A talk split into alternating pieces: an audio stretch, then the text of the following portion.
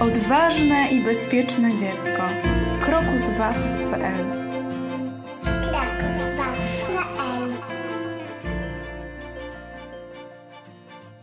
Dzień dobry, witamy Państwa w kolejnej części naszego podcastu. Dzień dobry.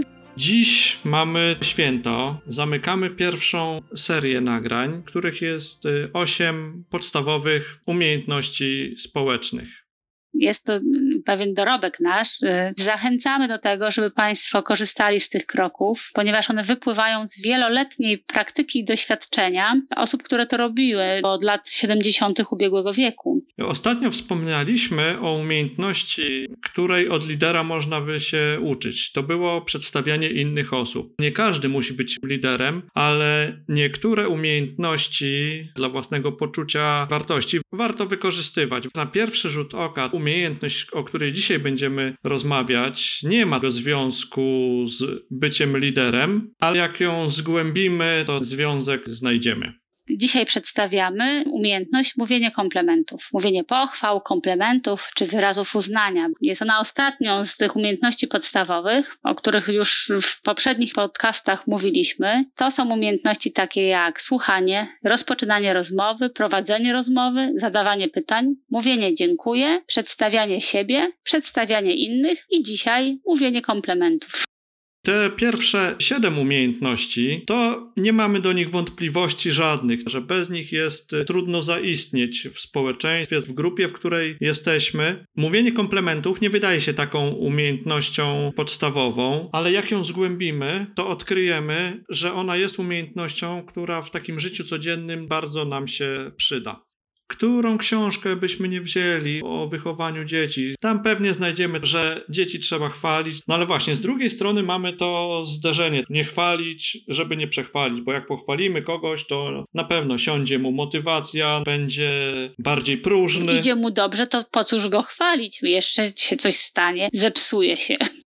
Idąc za tym, jak spojrzałem w słownik języka polskiego, komplement jest zdefiniowany jako uprzejma, często przesadna pochwała chcemy na komplementowanie rzucić trochę inne światło, że ono jest bardzo ważne i że jest potrzebne. A myślę, że to spojrzenie też możemy zmienić i to jeszcze jest tak, że chwalenie pozwala na podtrzymanie takiego wysokiego morale, wzbudza motywację i sprzyja utrzymaniu wysokiej produktywności, tak? Jeżeli chwalimy przyjaciół i najbliższych, to tym samym pokazujemy im, że troszczymy się o nich, interesujemy się nimi, wzmacniamy poczucie poczucie bliskości i też wzmacniamy takie pozytywne uczucia sami jesteśmy bardziej atrakcyjnymi osobami, ale też atrakcyjniejsze się stają osoby, które dostają komplementy. One po prostu przez to, że wzmacniają jakby te pozytywne uczucia w sobie, buduje się ich poczucie wartości, wierzą we własne siły mocniej, lepiej się żyje. Czasami jak się dostanie komplement na taki temat, którego się człowiek nie spodziewa, to mu się otwiera jakaś nowa furtka i mówi: Oj, nie wiedziałem, nie myślałem o tym w takich kategoriach, że ja to mam. A ktoś to zauważył mi to powiedział. I rzeczywiście świadomość się łapie, że tacy jesteśmy.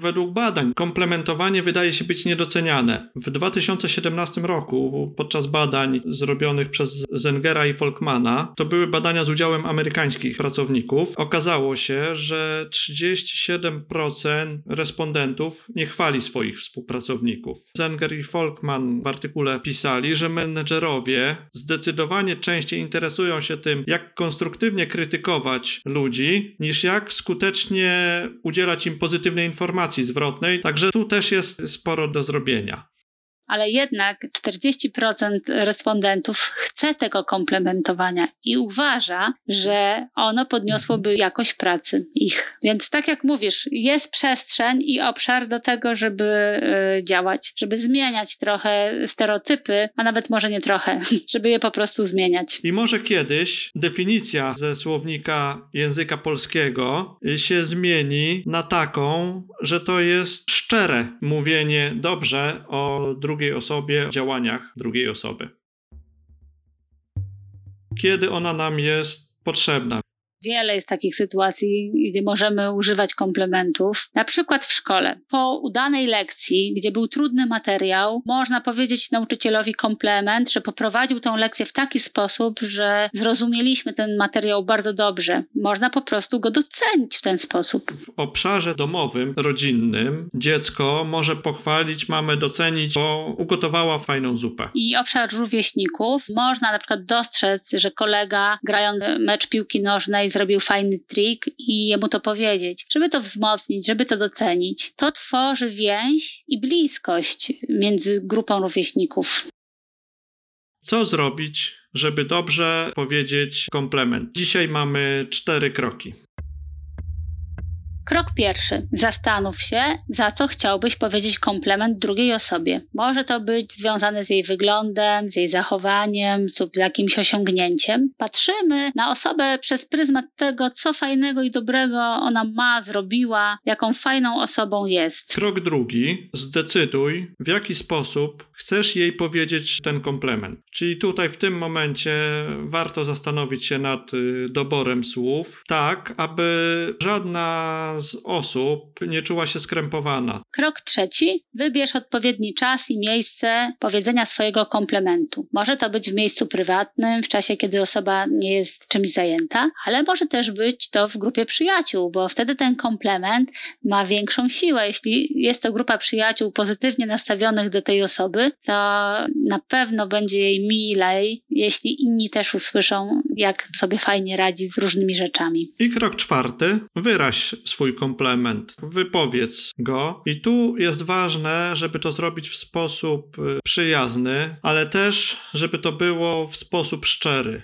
żeby nie chwalić na wyrost, żeby autentycznie skomplementować coś, co nam się spodobało. jeszcze raz y, zbiorę wszystkie kroki, które są potrzebne do dobrego mówienia komplementów. Krok pierwszy: zastanów się, za co chciałbyś powiedzieć komplement drugiej osobie. Krok drugi: zdecyduj, w jaki sposób chcesz jej powiedzieć komplement. Krok trzeci: wybierz odpowiedni czas i miejsce powiedzenia swojego komplementu. Krok czwarty: wyraź swój komplement. I mówienie komplementów to jest jedną z takich umiejętności, które mogą nam poprawiać samopoczucie, mogą nas napędzać do działania, dawać nam energię do tego działania i podnosić poczucie wartości. I to tak naprawdę dwóch stron, bo i tej osoby, która mówi komplement, ale też tej osoby, która ten komplement y, dostaje rozwijające relacje, jaką mamy, tworzące większą bliskość. Też o tym mówiliśmy, ale to jest bardzo istotne. Myślę, że warto spojrzeć na komplementy właśnie z takiej perspektywy. Jeszcze taka praktyczna porada, gdy zaczynamy posługiwać się tą umiejętnością, to nasze komplementy mogą się wydawać takie sztuczne, takie nieszczere, gdzieś tam przerysowane, ale z czasem, jak ćwiczymy, to to się będzie zmieniało. Też jest tak, że na początku, jak nie mamy wprawy, to mówienie komplementów i jednocześnie tej drugiej strony przyjmowanie komplementów jest trudne. Nie jesteśmy do tego przyzwyczajeni. Ktoś nam mówi takie miłe rzeczy, czasami spotyka to się z oporem i z trudnością, ale po jakimś czasie e, takiego treningu będzie to bardziej naturalne i wejdzie nam w nawyk i będzie to częścią naszego życia.